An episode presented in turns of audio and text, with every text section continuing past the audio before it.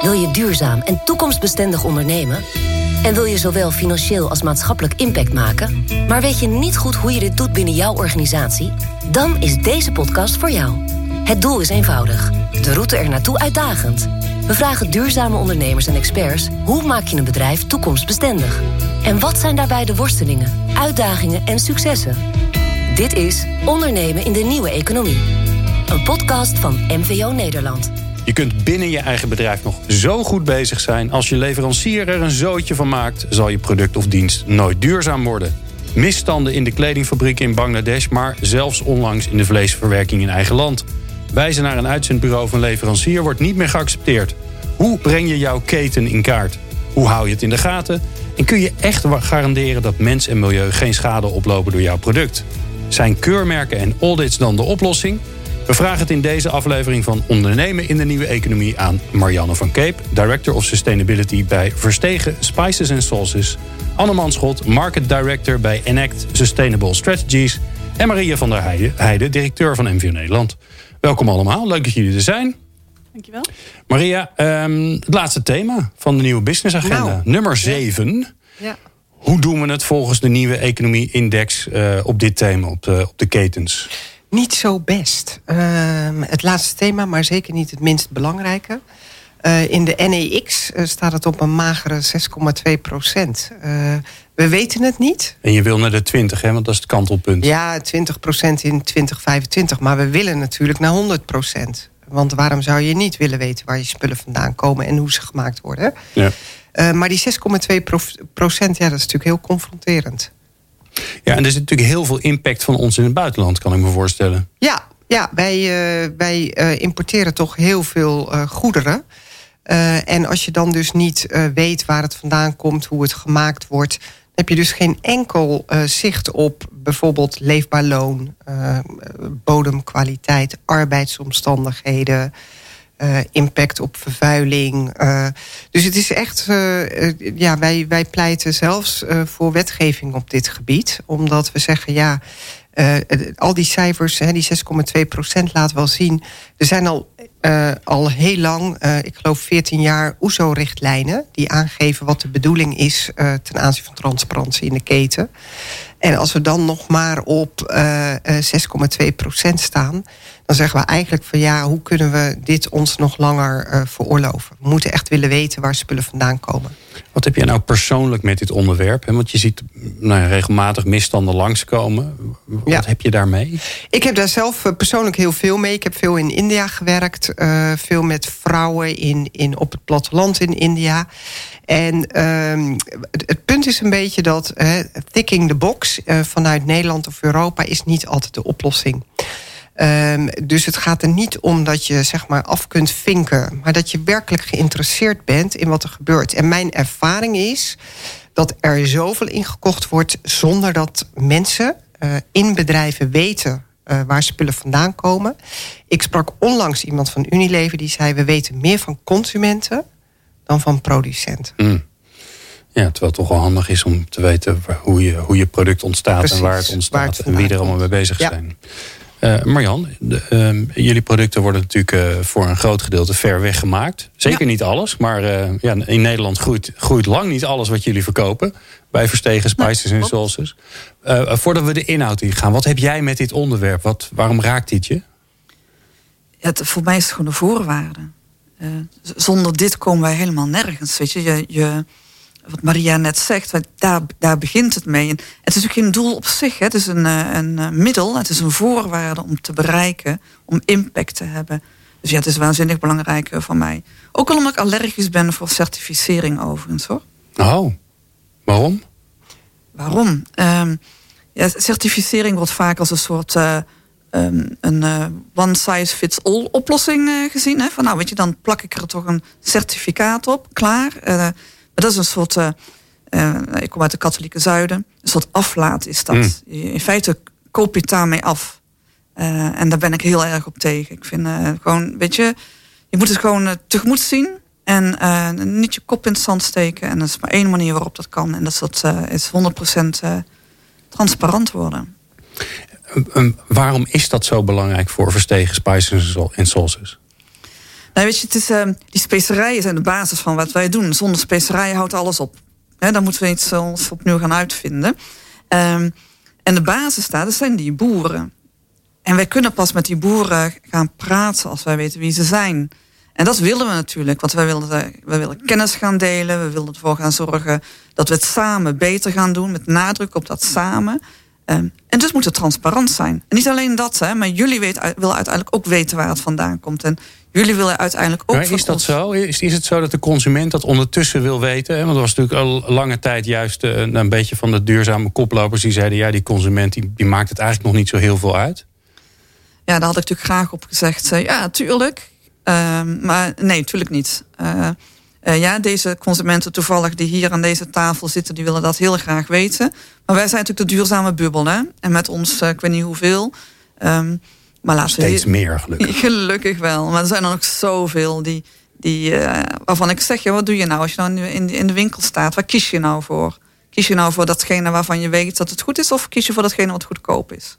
Ja, weet je, het Gros zegt, ja, laat ik heel eerlijk zijn, ik kies toch voor datgene wat goedkoop is. Ja, of sterker nog, datgene wat toevallig op ooghoogte ligt, toch? Ja, dat weten, de, dat weten de supermarkten maar al te goed. Ja, ja, ja.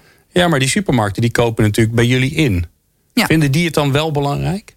Een Albert Heijn of een Lidl of, uh, nou ja, weet niet wie, aan wie jullie allemaal wel niet leven. Uh, bijna aan iedereen, ja. Nee, die vinden het heel erg belangrijk. Maar weet je, het gaat natuurlijk allemaal om impact. Hè? En laten we heel eerlijk zijn, als een supermarkt... die heeft uh, een beetje supermarkt... die ene die met de A begint... die heeft geloof ik 30.000 artikelen. Het is een beetje een illusie te denken dat zij op hele korte termijn... van die 30.000 artikelen... die complete supply chain in kaart kunnen brengen. Dat willen ze wel heel graag. Maar die maken toch keuzes. En dan, waar kiezen ze dan voor? Dan kiezen ze voor de cacao en de koffie en de thee en de bananen. Want dat is makkelijk tastbaar. Tastbaar. Dat zelfs, zelfs dat zeg je dat is makkelijk, maar ook dan kiezen ze niet altijd voor. Uh, want ik denk dat supermarkten nog veel meer invloed kunnen hebben hierop. Oh, zeker. Dus uh, supermarkten, weet je, die consument die komt gewoon in die winkel. Uh, er is één supermarkt die helemaal fairtrade bananen heeft. Dus die heeft al een keuze gemaakt van ik lever niet, niet fairtrade aan. Ja. Nou, dat is, dat, dat is een hele belangrijke stap die supermarkten, retailers kunnen nemen. Ik mis nog wel eens juist, uh, ook in, op dit stuk, echt, echt zeg maar ondernemerschap en een standpunt innemen vanuit retailers. Ja, keuzes. Dan moet ik wel zeggen dat uh, de laatste weken is natuurlijk heel veel gebeurd hè, op het gebied van, met, uh, met ACM. Uh, want ze hebben zich natuurlijk heel lang verschuild achter van ja, concurrentie en ja, de consument en ja, we moeten zelfs niet uit die markt prijzen. Ehm, uh, maar je ziet dat er gewoon nu inderdaad uh, heel veel aan het gebeuren is. En uh, de, de, laatste weken, ik, ik, ik, ben ineens aan het praten met, met supermarkten op dit moment over het onderwerp. en daar ben ik heel blij mee. Ja. Daar begint het mee, hè? praten. Ja. ja. Anna, jij adviseert organisaties op dit gebied. Ja. Wa waarom vinden zij het belangrijk?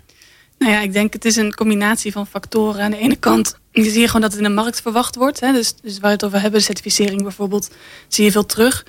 Um, ik denk aan de andere kant zie je natuurlijk ook dat... Um, uh, er komt meer wetgeving op dit gebied, op internationale richtlijnen, zoals de OESO-richtlijn, uh, de, de, de, United Nations Guiding Principles, al die verschillende richtlijnen, die, die wijzen allemaal dezelfde kant op. Namelijk, je moet gewoon weten waar je producten vandaan komen. En, en de risico's die, daarmee, uh, die daaraan vastzitten, die moet je zo goed mogelijk beheersen. Is het ook, is het ook misschien een beetje risicomanagement, voorkomen dat het misgaat? En misschien heb je er naar de consument niet zo heel veel aan. Hè, maar iedereen weet natuurlijk wat er in de, in de tijd met de Groene Sint is gebeurd. Toen ineens, uh, uh, ja, voor mij Drosten was dat. Hè, die, ja. die, hadden, die hadden geen duurzame cacao. En die lagen ineens niet meer in de schappen. Nou, dat is toch best wel een dingetje. Nou, of Rana Plaza in Bangladesh. Dat iedereen zich ineens realiseert. Ja. Wordt, daar mijn, wordt daar mijn kleding gemaakt? Ja, de koelkast. Maar je ziet dat dan... staat het, ook niet meer. Nee, het geheugen is dan toch snel weer weg. Ik wou zeggen, dat is toch niet gauw dan gevolgen daarvan. Hè? Dus je merkt wel dat de discussie op gang komt en mensen in alle staten zijn. Maar het koopgedrag verandert niet. Dus, dus je ziet echt een andere houding als burger. Hè? Een andere houding als soort van uh, ja, activistische medemens dan, dan uh, als consument. Het is toch een andere rol die je aanneemt. Waar je toch inderdaad het schap hè, wat het meest dichtbij ligt of wat in de aanbieding is, uh, pakt. En, en eigenlijk niet toch die, die is het, duurzame Is het eerste eerder de, de verbazing van de consument als het niet, uh, als het niet goed is? Uh, dan, dan de waardering van ik, ga, ik kies voor iets waarvan ik zeker weet dat het goed is. Ja, ik denk echt consumenten verwachten gewoon van bedrijven dat de boel op orde is. En schrikken er nog steeds van als dat niet zo is. Dus ik zou bijna zeggen, jij vroeg net, is het een risicomanagement? Ja, en het is ook eigenlijk een hygiënefactor. Van je moet eigenlijk gewoon zorgen dat je je boel op orde hebt. En, en dan ben je nog niet per se duurzaam bezig. Hè. Dan ben je nog niet bezig met het, het verminderen van je negatieve impact per se. Maar je bent wel aan het kijken, waar zitten mijn leveranciers eigenlijk? En, en wat moet ik eigenlijk uh, ja, aan ze vragen om te zorgen dat ik mijn risico's in kaart heb? Ja. Daar begint het eigenlijk mee. Dus ja. uh, dat is absoluut de basis. Marianne, want dat is het bij jullie ook. Hè? Uh, in, in, kaart brengen, transparant maken. Hoe zit het eigenlijk in, in elkaar? Maar daarmee is er eigenlijk natuurlijk nog niks veranderd. Behalve dan dat je weet wie je leveranciers zijn. Daarna komt dan de actie van we gaan het verbeteren, veranderen, projecten doen enzovoort. Ja, dat is waarom ik ook zeg, transparantie is natuurlijk niet het doel op zich. Transparantie is een middel om impact te hebben en om dingen te veranderen. Um, want uiteindelijk gaat het om die verandering. Hè. Dan gaat het om de nieuwe economie. Om die maar alvast uh, in het gesprek te gooien. Daar gaat het om. Met transparantie heb je gewoon nodig. Ja. Uh, en dat geldt voor iedereen. Hè. Dat geldt, uh, nou, wat je zei, dat de consument beter dan de producent. Het gaat in die hele keten. Alles moet in feite transparant zijn. Ja.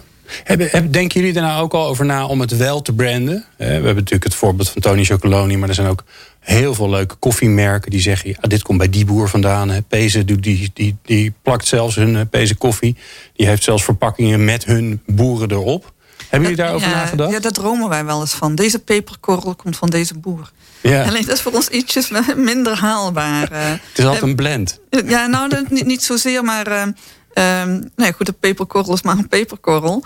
Uh, daar kun je moeilijk iets op plakken, zeg maar. Maar dat zeiden ze ooit van koffie ook, toch? Het is maar koffie, maar ondertussen doen we daar heel ingewikkeld over. Ja, ja, ja. Oh, dus het is wel... Uh, het is wel een soort droom die we zouden hebben. Van hoe mooi zou het kunnen zijn als, ja, als ik jou kan laten zien, inderdaad, uh, van welke boer het komt. En niet alleen van welke boer het komt, maar uh, um, hoe staat hij in het leven? Hoe verdient hij zijn brood? Uh, of zij trouwens zijn heel vaak vrouwen, daar ben ik altijd heel blij mee. Hoe, hoe doen ze dat dan? en wat hebben we samen eraan gedaan om dat te verbeteren? Ja, dat is wel een soort droom. Dat is een beetje utopisch, maar we houden wel van dromen najagen. Hoor. Dus het is wel mooi, want jullie hebben fantastische producten. Jullie hebben denk ik ook een redelijk goed marktaandeel in Nederland. Ja, hè, met uh, jullie ja. specerijen en kruiden. Uh, het, het, gaat altijd over het product zelf, maar niet het verhaal erachter. Nee. En jullie hebben eigenlijk een heel mooi verhaal te vertellen. Ja. Dus, dus waarom gebruik je dat niet in je marketing? Oh, ja, zo moeilijk hè. Um, om een heleboel redenen. Punt 1, omdat wij niet de budgetten hebben die die grote jongens hebben. Dat is uh, een hele belangrijke natuurlijk. Um, de tweede is omdat onze verpakkingen die lenen zich daar niet voor. Ze zijn wat kleiner. Ze zijn een beetje... niet zoveel plek. Je moet veel meer peper kopen. Als jullie nou gewoon veel grotere verpakkingen kopen... Ja. dan kunnen wij daar het verhaal op zetten. 10 kilo ja. peper. Ja, goede oplossing. Fantastische oplossing. En de QR-code scannen, dat uh, Ja, nou, de, we hebben dat gedaan. In, uh, in, uh, in een van de programma's hebben we met nootmuskaat... en een, een supermarkt die met een Q begint. Q? Met een C begint, moet ik zeggen. En uh, daar staat een QR-code op. En met die QR-code kun je dus zien waar, waar, die, waar het product vandaan komt. Um, maar ja, QR-code is ook maar QR-code, weet je. Daar, daar, gaat het nog niet leven. Het, moet, het zou moeten gaan leven, ja. Ja. ja, als jullie daar een oplossing voor hebben, kom hier. Kom, ja, ik wil het weten. nou, dat is een leuke, leuke prijsvraag. Luister je en heb je een fantastisch idee uh, hoe uh, Marianne van Verstegen dat beter kan, uh, kan doen. En op ja. een slimme manier het kan vermarkten. Dan ja. ben je bijzonder welkom. Je, je kunt je reactie sturen naar Marianne van Cape van Verstegen Spice and Sauce. Komt altijd aan. Ja, toch? Ja. Laten we eens even naar het, naar het hoe gaan. want ehm, uh, nou mooi, je wil zo'n keten eh, transparant en inzichtelijk maken, Marianne. Nou, dat zijn nogal wat producten die mhm. jullie hebben. Ik zie dat hele schap vormen bij mij in Albert Heijn met al die potjes van jullie. Waarvan de meeste ook bij mij gewoon in de la liggen. Ja, en sommige in grote hoeveelheden, omdat ik dan in de winkel sta en denk: hadden we dit nou nog? Nou, neem het maar gewoon mee. Um, ook niet duurzaam trouwens. Maar um, dat is een heel ander verhaal. Uh, hoe pak je dat aan? Al die verschillende producten in verre landen met allemaal boertjes. Lijkt me vreselijk ingewikkeld. Ja, is het ook. Uh, maar wel superleuk natuurlijk. Uh, um, in eerste plaats proberen we dan verschillende methodes voor te kiezen. Want wij, wij zijn niet zo van de focus. dus we proberen verschillende dingen. Een van de dingen die we gedaan hebben, waar we heel erg blij mee zijn... is de samenwerking die we hebben met een NGO, met Fairfood... Uh, waarbij de insteek was van kunnen we nu gaan kijken of blockchain, wat ook met name een instrument is, geen doel op zich, we kunnen blockchain hiervoor gaan gebruiken. Oh. En uh, nou, ja, blockchain ga ik je niet uitleggen hoor, want uh, is veel te ingewikkeld. Nee, maar, maar het zit ook achter de bitcoins, toch? Dus dat is hartstikke... Nou, ja, een, ja, maar bitcoins is een een aspect van blockchain. blockchain ja. ja. Platform eigenlijk waar je transacties op kan Precies, vastleggen. Ja, Precies. Ja, wij zeggen het altijd van blik, blockchain uh, je moet het niet willen snappen. Net zoals internet, het is er het is super handig. Ja. Dat. Ja. ja, en door.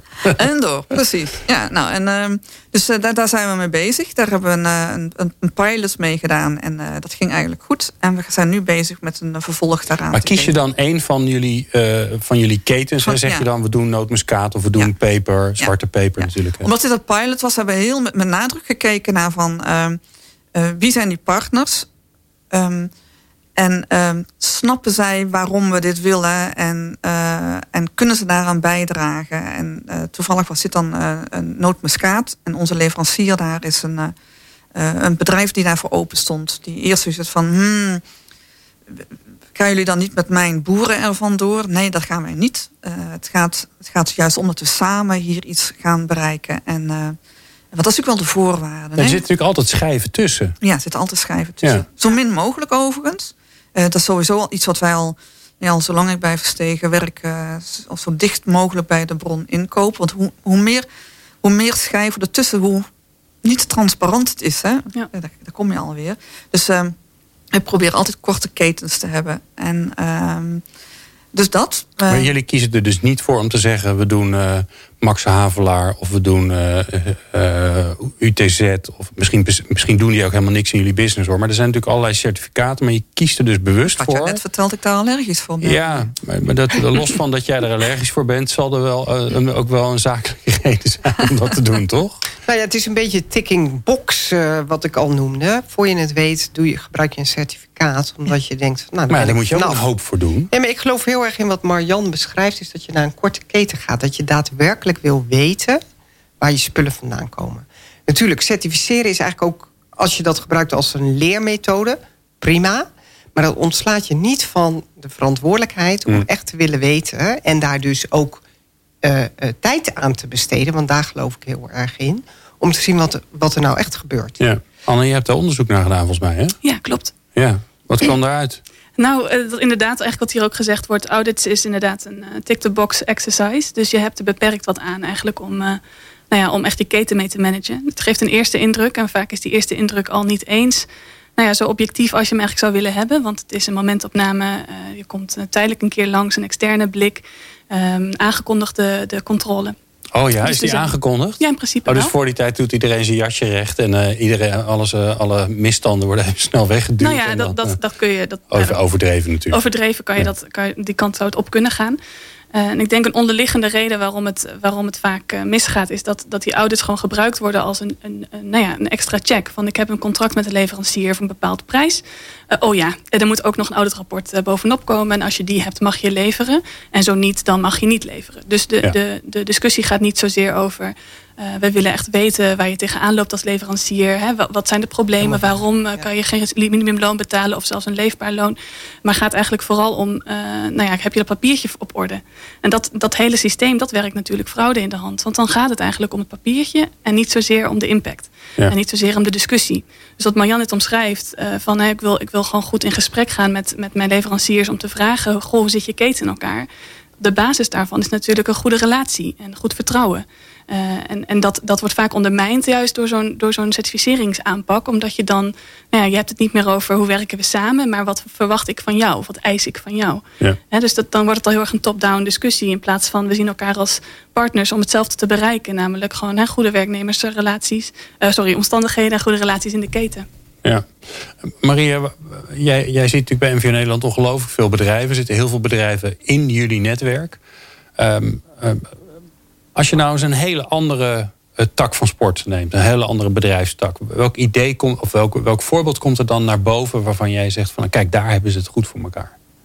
Nou, ik zie bijvoorbeeld toch hè, koffie, om maar even te noemen. Uh, ja, is dat anders? Uh, het is een commodity, maar je ziet heel veel MKB-bedrijven hier echt stappen opzetten, omdat ze daadwerkelijk willen weten wat er gebeurt. Dus er is nu een Future Proof Coffee Collective met 25 MKB-bedrijven die echt daadwerkelijk kijken van waar, hoe wordt het geproduceerd, wat doet het met uh, uh, arbeidsomstandigheden, met bodemkwaliteit, uh, transport en het branden. Hè, dus in Nederland van het verhaal ook, ja, Mooi koffie is een heel mooi voorbeeld. Pezen. Een ander voorbeeld is uh, Schijvens, uh, die bedrijfskleding maakt... die oh. echt uh, zeg maar al die ketenspelers bij elkaar gezet heeft.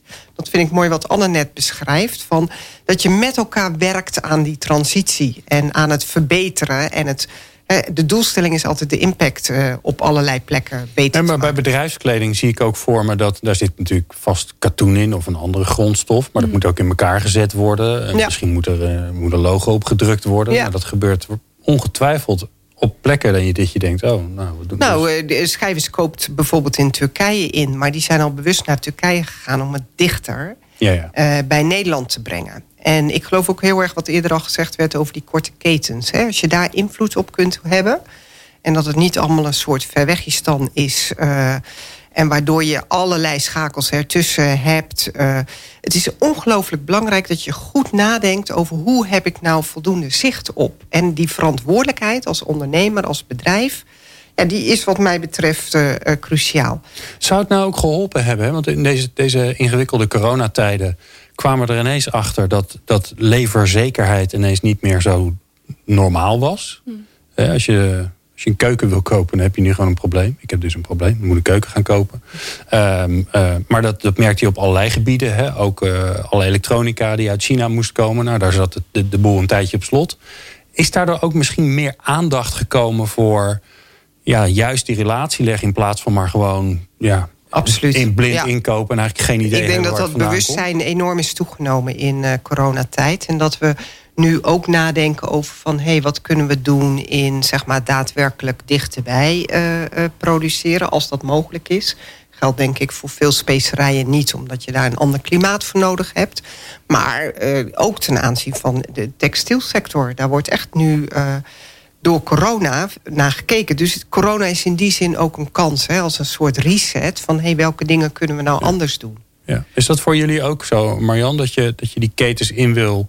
Hè, natuurlijk, omdat je dat vanuit je hart, vanuit de, de, cultuur van het bedrijf, het doodnormaal is om dat te doen. Maar ook omdat je daarmee gewoon ja, toch die, die levering zeker kan stellen. Omdat je weet wie, er, wie jou gaat leveren, dat je weet waar het vandaan komt. Maar dat je ook weet dat je überhaupt producten hebt. Want ja, een paar keer een mislukte oogst of uh, iemand die zegt... nou, ik kan ergens anders een beter prijsje krijgen. Dan ben, ben, je aan de beurt.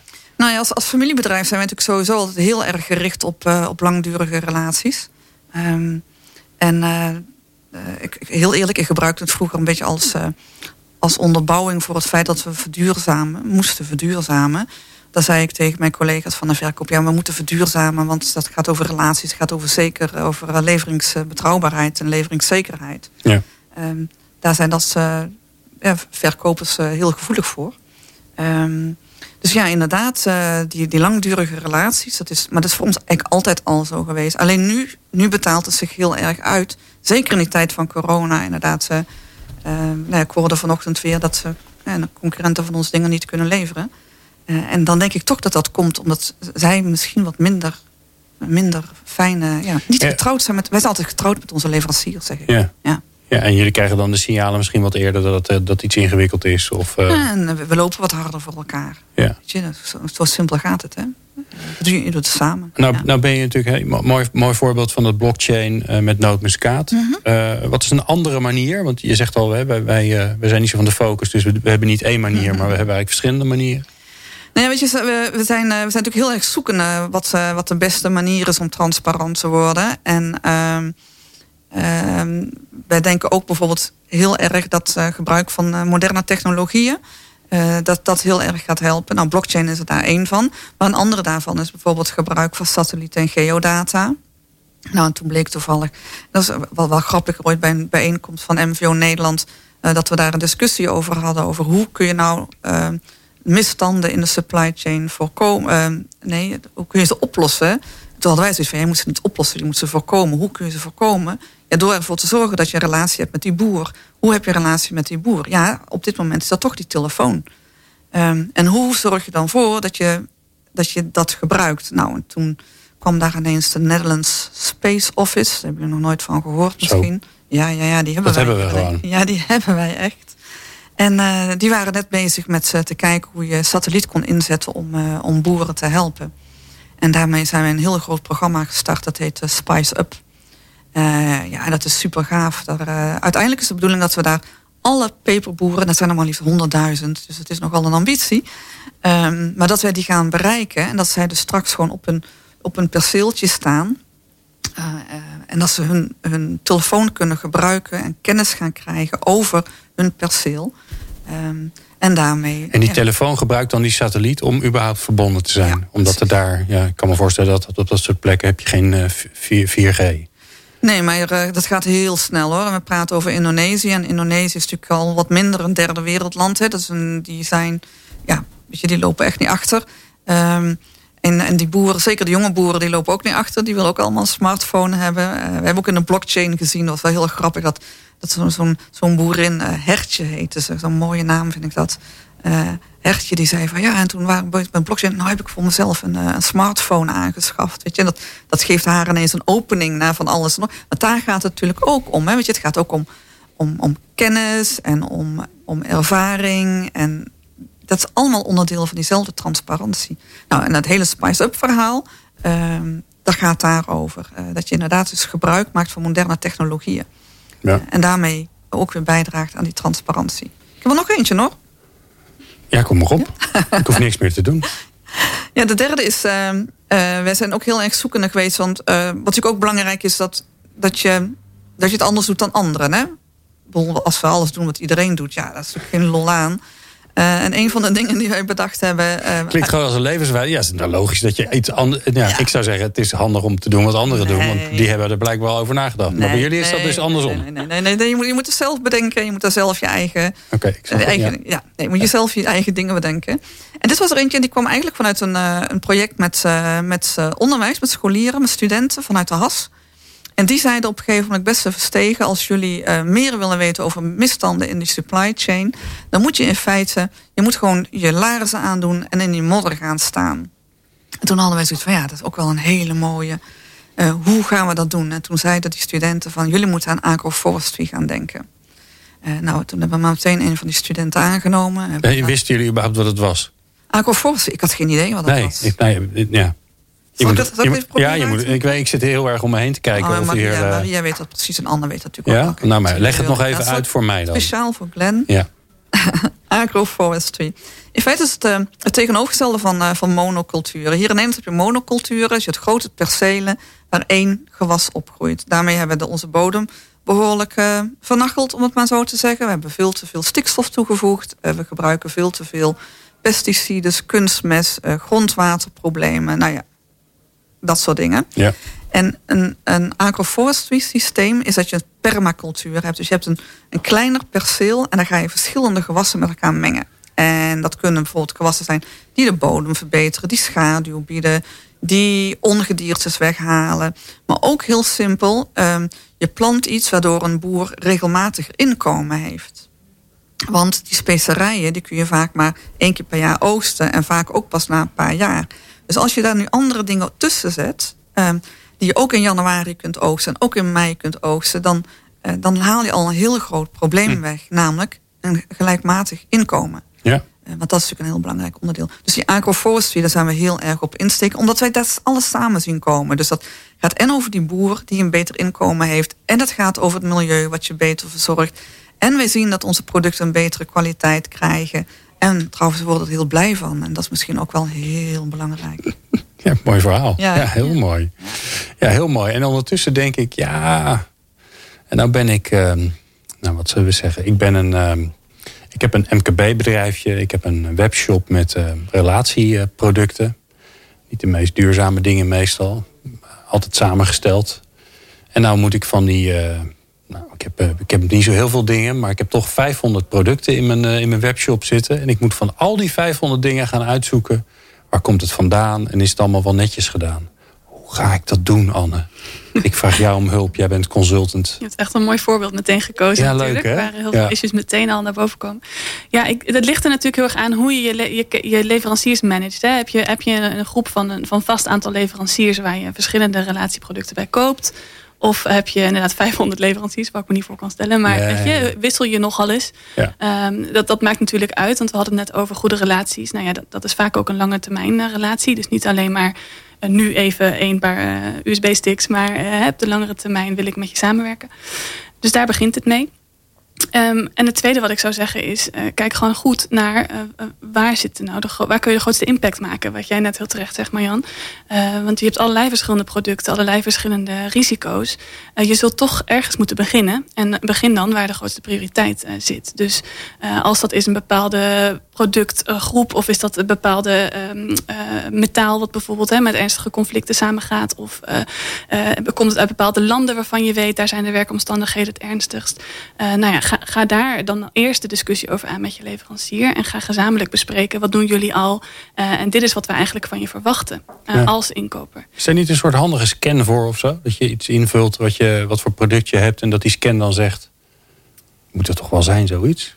Ja, dat, maar het, zou, het mooiste zou zijn als op alle producten uh, zeg maar, die je koopt... Een, een, een, scan zit, dat je weet waar iets vandaan komt... en ja, dat ja. dat helemaal transparant is. Maar toch begint het ook al met bedrijven die keuzes maken... die transparantie gewoon aanbieden door misschien hun assortiment... Uh, verder te verkleinen, goede afspraken te maken... langdurige relaties.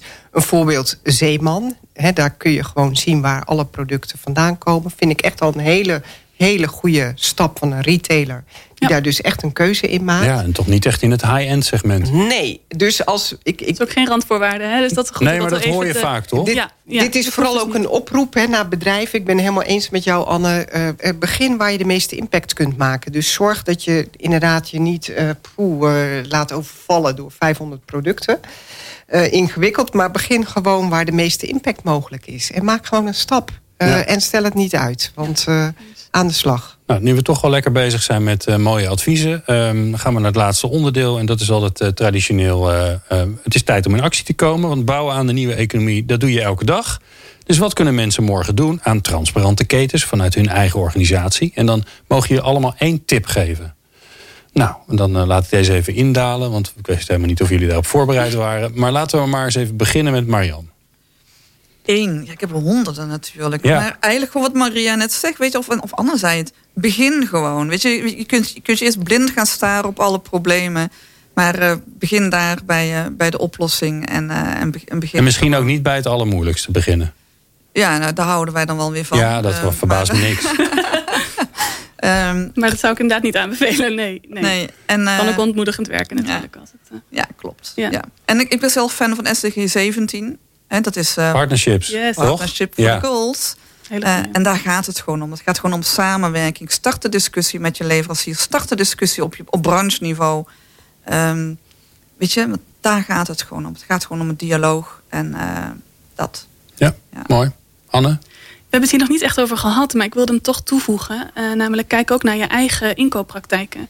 Dus hoe kijk jij als bedrijf, wat vraag je van je leveranciers, maar ook uh, wat voor prijsafspraken maak je? Hoe kort zijn de, de delivery timelines? Weet je, wat voor deadlines stel je aan je producten?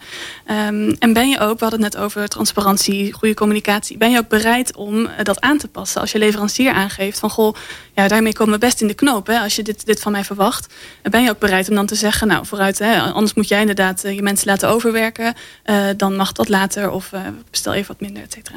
Dus ik zou zeker ook adviseren, kijk naar je eigen, je eigen, ja, kijk jezelf in de spiegel als bedrijf. Ja, en naar de voorwaarden die je stelt. Ja. Alsof die, stel je voor dat die voorwaarden aan jou worden gesteld, is dat, vind je dat dan ook normaal? Bijvoorbeeld, ja. ja. Maria. Jij mag afsluiten. We beginnen bij jou en we eindigen bij jou. Oké, nou ik heb er twee. Een hele ja, praktische tuurlijk. is... Uh, kijk vandaag nog naar de film Kiss the Ground. Oké. Dat gaat over uh, wat zijn we aan het doen op de wereld met elkaar. Ja. Dus uh, kijken, uh, dat is één. En ja. twee is, ehm, ja, wil je echt ook impact creëren... dan hebben we ook de overheid nodig. En we zijn met een hele mooie campagne. We hebben net de één na belangrijkste verkiezingen gehad Mm. in een ander werelddeel. Maar we hebben hier ook een belangrijke verkiezing, minister van de Nieuwe Economie. Uh, stel jezelf kandidaat als je hier ideeën over hebt. Want eigenlijk hebben we de overheid nodig om ook zeg maar in de kaders en de randvoorwaarden de goede stappen te zetten. En nogmaals, wij pleiten voor, uh, voor wetgeving. Dat bedrijven als verstegen de wind in de rug krijgen... omdat ze voldoen aan die duurzaamheidseisen, voldoen aan transparantie... Uh, en dat we dus ook echt zeggen, dit kan gewoon niet meer als je daar niet uh, je toe verhoudt. En daar hebben we die overheid voor nodig. Dus als jij uh, daar een concreet, concrete ambitie op hebt, meld je dan aan minister van de nieuwe economie.nl. Ja, stel je voor dat je gekozen wordt, wat gebeurt er dan? Dan ga jij jouw verhaal delen. Dan word jij de spokesperson uh, namens dat hele netwerk van 2000 bedrijven... om Zo. dit richting de verkiezingen van maart 2021 te agenderen. Mooi. Nou, Anne, wil je minister worden? Dan moet je nu even zeggen dat je dat wil en je aanmelden. Ja, ik ga er even over nadenken. Ja? Doe goed. Marianne, je hebt verder niet zo heel veel te doen. Niks, ja, maar ik, ik heb mij aangemeld. Oh ja, echt ja? ja? oh, wat leuk. Er werd een beetje druk gevoerd. Op dus er kan op jou gestemd worden? Kan op, niet doen hoor, niet doen. Ja, er kan op mij gestemd worden. Ja, ja. Heel goed, Marianne. Druk genoeg, ja. Alright, dames. Ik uh, vond het een bijzondere... Uh, leuke laatste aflevering van uh, ja, de zeven agendapunten van de nieuwe business agenda. Die kun je natuurlijk allemaal kijken op de podcast van MVO Nederland. En je hoort straks waar je die kan vinden. bijzonder veel dank aan Marianne van Keep van Verstegen Spices and Sauces. Anne Manschot van Enact Sustainable Strategies. En Marie van der Heijden van MVO Nederland. Graag gedaan. Graag gedaan. Meer afleveringen vind je in jouw favoriete podcast-app. Zoek naar Ondernemen in de Nieuwe Economie. Wil je je aansluiten bij onze beweging? Ga dan naar mvonederland.nl